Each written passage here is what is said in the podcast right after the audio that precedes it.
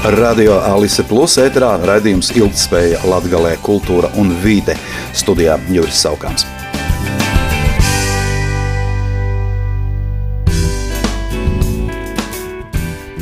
Latvijas iekšlietu ministrija savā ziņojumā valdībai norādījusi, ka robežas infrastruktūras izbūve uz Latvijas-Baltkrievijas robežas sastopas ar grūtībām, tomēr plānoto būvdarbu pabeigšanas termiņu tām nevajadzētu ietekmēt. Lai nodrošinātu infrastruktūras izbūvi gar Latvijas-Baltkrievijas robežu, pārskata periodā atbilstoši iepriekš noteiktajiem veicamo darbu kārtu un posmu apjomiem, turpinājās iepriekš noslēgto līgumu izpilde. Tāpat sākta valsts ārējās sauszemes robežas apsardzībai nepieciešamās infrastruktūras izbūves trešā kārta. Projektēšanas darbus, torņu un pievadu ceļu pie tiem izbūvei plānots sākt jau martā, bet pabeigt izbūvi līdz nākamā gada trešajam ceturksnim. Būvuzraudzību, kā arī projekta vadību, līdzīgi kā pirmās un otrās kārtas būvdarbiem, paredzēts nodrošināt ar valsts nekustamo īpašumu resursiem. Sākotnēji žoga izbūvi pirmajā kārtā bija plānots pabeigt jau līdz šā gada februāra beigām, taču atsevišķās minētās kārtas darbu daļās, izstrādājot būvniecības ieceres, dokumentāciju un trasējumu, tika secināts, ka virsmas reljefa un faktisko apstākļu dēļ nav iespējams iekļauties noteiktajā 12 metru platajā valsts robežas joslā. Piemēram, trase bija jānovirza no 12 metru joslas, lai patruļas takas slīpums būtu drošs lietošanai. Tāpat tika ietekmēti arī sākotnēji plānotie zemes ierīcības projektu izstrādes un mērniecības darbi, ievērojot zemo ieinteresētības līmeni no komersantu puses, kā rezultātā vairāk kārt cenu aptaujas beidzās bez rezultāta, jo nebija piedāvājumu. Rezultātā būvu komersantam Citrus Solutions bija ietekmēta plānotā būvdarbu izpilde, jo žoga izbūvi nācās veikt vēlajā rudenī. Tagad žoga izbūve purvainajās zonās indikatīvi 20,8 km apjomā ir būtiski apgrūtināta un neatbilst darba aizsardzības prasībām, jo strādniekiem ir konstatēti būtiski hipotermijas riski, kas var radīt būtiskus draudus veselībai un pat dzīvībai. Tāpat arī sakarā ar ārējo temperatūru svārstībām nevar veikt precīzu grunts izpēti, līdz ar to ir liela varbūtība, ka smagā tehnika var iegrimt kopā ar operatoriem, un tas var radīt smagas sekas, jo glābšanas darbi būtu apgrūtināti. Ņemot vērā iepriekš minēto, pašlaik tiek vērtēta darbu apjoma purvainajās zonās veikšana šā gada vasaras mēnešos. Pat labam prognozēts, ka kopējo plānoto būvdarbu pabeigšanas termiņu minētajām novirzēm nevajadzētu ietekmēt. Līdz šim gar Latvijas-Krievijas robežu ir uzbūvēta patruļa staka 230 km garumā, 94 km žoga un 4 trosu tilti pāri upēm. Pat labi nav izbūvēta infrastruktūra 53,6 km garumā, un tā ir sadalīta vairākos posmos. Turklāt dažos posmos no šī apjoma būvdarbi ir sākti, bet nav pabeigti. Lai nodrošinātu valsts ārējās sauszemes robežas apsardzībai nepieciešamās infrastruktūras izbūves pabeigšanu, nodrošinājumu valsts aģentūra pērn martā noslēdza līgumu ar CIA CMB par valsts robežjoslas izbūves ekspertīzi.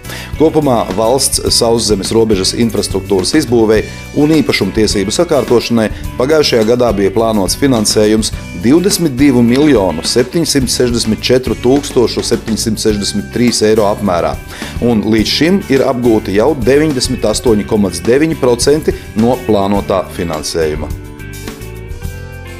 Daugopils pilsētas dome nolēmusi sākt Daugopils pilsētas teritorijas plānojuma grozījuma izstrādi. Tas nepieciešams, lai teritorijas plānojums atbilstu spēkā esošajiem noteikumiem. Izmaiņas jāveic ņemot vērā institūciju un iedzīvotāju priekšlikumus, izvērtējot atbilstību Daugopils un Augstdaugavas novada attīstības stratēģijai līdz pat 2030. gadam. Priekšlikumus var iesniegt elektroniski līdz šā gada 27. maijam. Parakstot ar drošu elektronisko parakstu, tos var sūtīt uz elektronisko pastu info at daugopils.lv. Savukārt ar spēkā esošā teritorijas plānojuma materiāliem var iepazīties interneta vietnē geolatvija.lv. Koalīcija šodien pēc tikšanās ar Jēkabils mēru Raivi Ragaini politiski atbalstīja vairāk nekā 2 miljonu eiro piešķiršanu Jēkabīlī plūdu seku likvidēšanai. Par to šodien pēc valdību veidojošo partiju sanāksmes žurnālistiem pavēstīja ministru prezidents Krišjānis Kariņš no jaunās vienotības. Premjeras skaidroja, ka naudu paredzēts ņemt no līdzekļiem neparedzētiem gadījumiem, lai sektu līdz šim samaksātos rēķinus, tajā skaitā par darbiem, kas pašlaik turpinās. Par šo līdzekļu piešķiršanu vēlāk paredzēts arī oficiāli lemt valdībā. Tiks mēģināts piesaistīt Eiropas Savienības fondu līdzfinansējumu, lai stiprinātu un daļēji pārbūvētu aizsargu mehānismu plūdu riska mazināšanai. Tam nepieciešami apmēram 12 miljoni eiro, tā norādīja Kariņš. Janvāra vidū ūdens līmenis Jēkablī tikai dažus centimetrus atpalika no vēsturiski augstākā rādītāja, un pilsētas aizsargdambis atsevišķās vietās tika izskalots un radās bažas par tā noturību.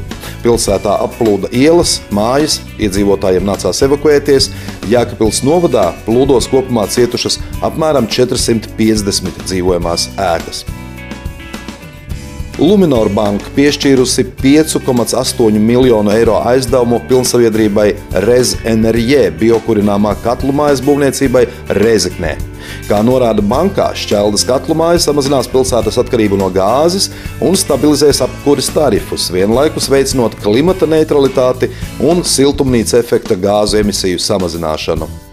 Pēc Luminor banka korporatīvā departamenta vadītājas Ilzes Zoltneres teiktā, Reizeknes pilsēta ir atradusi privāto investoru jaunas katlumājas būvniecībai, lai pašvaldības iedzīvotājus nodrošinātu ar vidē draudzīgāku apkuras sistēmu un efektivizētu izmaksas par siltumenerģiju. No kopējā aizdevuma 5,2 miljoni novirzīti katlumājas jaunbūves celtniecībai, bet 0,6 miljoni apgrozāmajiem līdzekļiem. Šķeldas katlumājā jau ir uzstādīti divi apkuras katli ar kopējo jaudu 12 MW. Jaunā apkuras sistēma ļaus pilsētas iedzīvotājiem samazināt apkuras tarifus par aptuveni 40%. Pilnsabiedrības Rez Enerģē pārstāvis Juris Jaunzems norāda, ka uzņēmums iesaistījies Reizeknes siltumapgādes efektivitātes paaugstināšanas projektā, aizvietojot fosilā kurināmā siltumavotu ar atjaunojamos energoresursus izmantojošu siltumavotu. Katlu mājas izbūvē investēti savi resursi, tāpat Eiropas Savienības fondu un bankas finansējums. Katlu māju uzcelta un iekārtas uzstādītas septiņu mēnešu laikā. Reizeknē jau šo piekdienu, 3. martā, 2001. dienā norisināsies bezmaksas pārtikas apmaiņas punkta atklāšana Zemnieku ielā 16a. Bezmaksas pārtikas apmaiņas punkts ir vieta, kur ik viens var ievietot pārtikas produktus, lai palīdzētu tiem, kam šie produkti būtu vairāk nepieciešami. Proti, tā ir vieta, kur sniegt palīdzību līdz cilvēkiem pārtikas produktu veidā, un arī vieta, kur šo palīdzību attiecīgi saņemt. Pārtikas apmaiņas punkts atrodas Zemnieku ielā 16a pie Rēzeknes valsts pilsētas sociālā dienesta galvenās ieejas.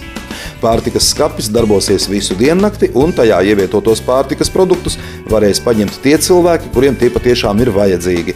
Turklāt, lai saņemtu šāda veida palīdzību, nav jābūt trūcīgai vai maznodrošinātai personai.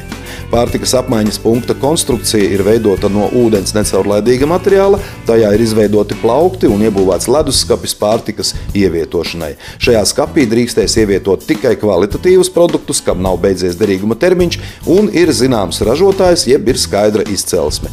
Produktiem jābūt slēgtā, neatvērtā iepakojumā. Pozitīva šīs iniciatīvas īstenošanās nākotnes perspektīva ir atkarīga no sabiedrības iesaistīšanās un līdzdalības. Ja cilvēki būs atsaucīgi, līdzcietīgi un vēlēsies palīdzēt, daloties ar produktiem, tad arī pati ideja tiks piepildīta un tiks sniegta palīdzība līdz cilvēkiem. Idejas īstenotāji ir Reizeknes uzņēmēju biedrība sadarbībā ar Reizeknes valsts pilsētas pašvaldības pārvaldi Sociālais dienests. Visi kopā gādāja par pārtikas skapja uzstādīšanu un aprīkošanu, un arī turpmāk uzturēs tā darbību un kārtību tajā, nodrošinot sabiedrībai iespēju ziedot pārtikas produktus un atbalstīt mazāk nodrošinātus cilvēkus, vienlaikus mazinot derīgas pārtikas nonākšanu atkritumos. Valdība šodien atbalstīja 14,000 eiro pārskaitīšanu pašvaldībām, lai sektu izdevumus, kas tām radušies 2022. gadā, apglabājot mirušas personas, kuru personība nav noskaidrota. Daugopils pašvaldībai piešķirts 251 eiro, Jelgavas valsts pilsētas pašvaldībai 400, Jēkabpils 338 eiro, Krāslavas pašvaldībai 500, Liepājas pašvaldībai 301, Līvānu novada pašvaldībai 317 eiro, Rīgai Lauvas tiesa 11 024 eiro, Ropažiem 362, bet Ventspilī 512 eiro. Sabiedrība Daugopils ūdens aicina iedzīvotājus ziņot par aku lūku bojājumiem pagalmos vai uz brauktuves. Uzņēmuma speciālisti norāda, ka saulēcīgi saņemtā informācija par bojājumiem palīdz veidot pilsētā drošāku vidi. Sarežģītos ziemas laika apstākļos īpašniekiem un atbildīgiem avārijas dienestiem dažreiz ir grūti uzreiz pamanīt gan ūdensvada un kanalizācijas sistēmu skataku, gan citu pazemes inženieru komunikāciju bojājumus, kas var rasties piemēram būvdarbu laikā un arī pēc smagās vai sniega tīrīšanas tehnikas braukšanas. Sabiedrības Daugopils ūdens speciālisti regulāri pārbauda apkalpojamo skataku esamību un integritāti un saka lielu paldies tiem atbildīgajiem Daugopils iedzīvotājiem, kas ziņo par aku lūku bojājumiem pagalmos vai uz brauktuves. Bez tam tiek atgādināts arī par iespēju operatīvi sniegt informāciju Daugopils ūdens dispečera dienestam, kura rīcībā ir nepieciešamas datu bāzes un resursi, lai pēc iespējas ātrāk identificētu komunikāciju īpašniekus un novērstu trūkumus. Informāciju var nodot pa tālruņiem 6, 54, 24, 251 vai 20, 22, 99, 13. Abi numuri darbojas diennakts režīmā. Tāpat var rakstīt arī uz oficiālo e-pasta adresi kontakti at daugopils.udens.lv. Latvijas čempionātā standarta dejās 2023, kas norisinājās 18. februārī Valmieras Olimpiskajā centrā, pāri no visas Latvijas cīnījās par Latvijas čempionu tituliem, medaļām un kausiem.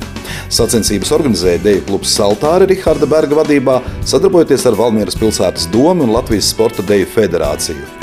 Šajā čempionātā piedalījās liels sporta deju pāru skaits, kuri dažādās vecuma grupās rādīja savu meistarību un priecēja skatītājus standarta dejās. Čempionātu tiesāja septiņi neatkarīgi tiesneši no septiņām dažādām pasaules valstīm.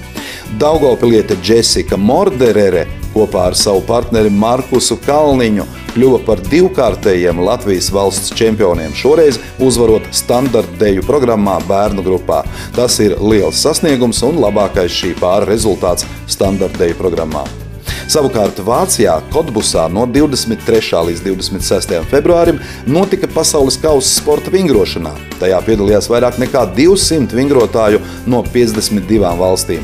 Latviju sieviešu konkurencē pārstāvēja tikai divas Daugopils ledus sporta skolas audzēknes - Katrīna Jureviča un Valērija Ratobiļska. Katrīna Jureviča izcīnīja 10. vietu atbalsta lēcienā, 24. vietu brīvajās kustībās un 31. vietu vingrojumos uz baļķa. Valērija Ratubiļska ierindojās 22. vietā brīvajās kustībās un 27. vietā vingrojumos uz baļķa. Daugopils vingrotājām šis bija pirmais viņu pasaules kausa sporta karjerā un uzreiz izdevās nopelnīt reitinga punktus pasaules kausa kopvērtējumā. Sportistes sagatavoja Daugopils ledus sporta skolas treneri Aivars Plāte un Anastasija Žuļina. Nākamais pasaules kausa posms ar Daugopils vingrotāju dalību notiks no 8. līdz 12. martam Azerbaidžānā pilsētā Bakū. Redzījuma ilgspēja Latvijā, kultūra un vide to par Sabiedrības integrācijas fonda atbalstu Radio Alisa Plus studijā bija Juris Saukāns.